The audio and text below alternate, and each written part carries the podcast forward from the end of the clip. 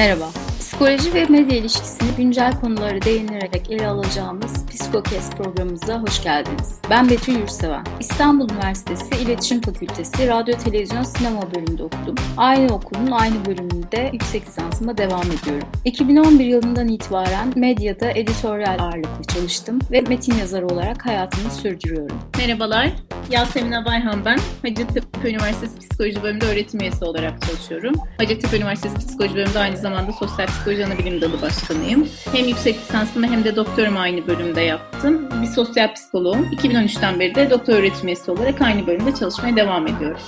Güncel ve özgün içerikler için bizi takipte kalın.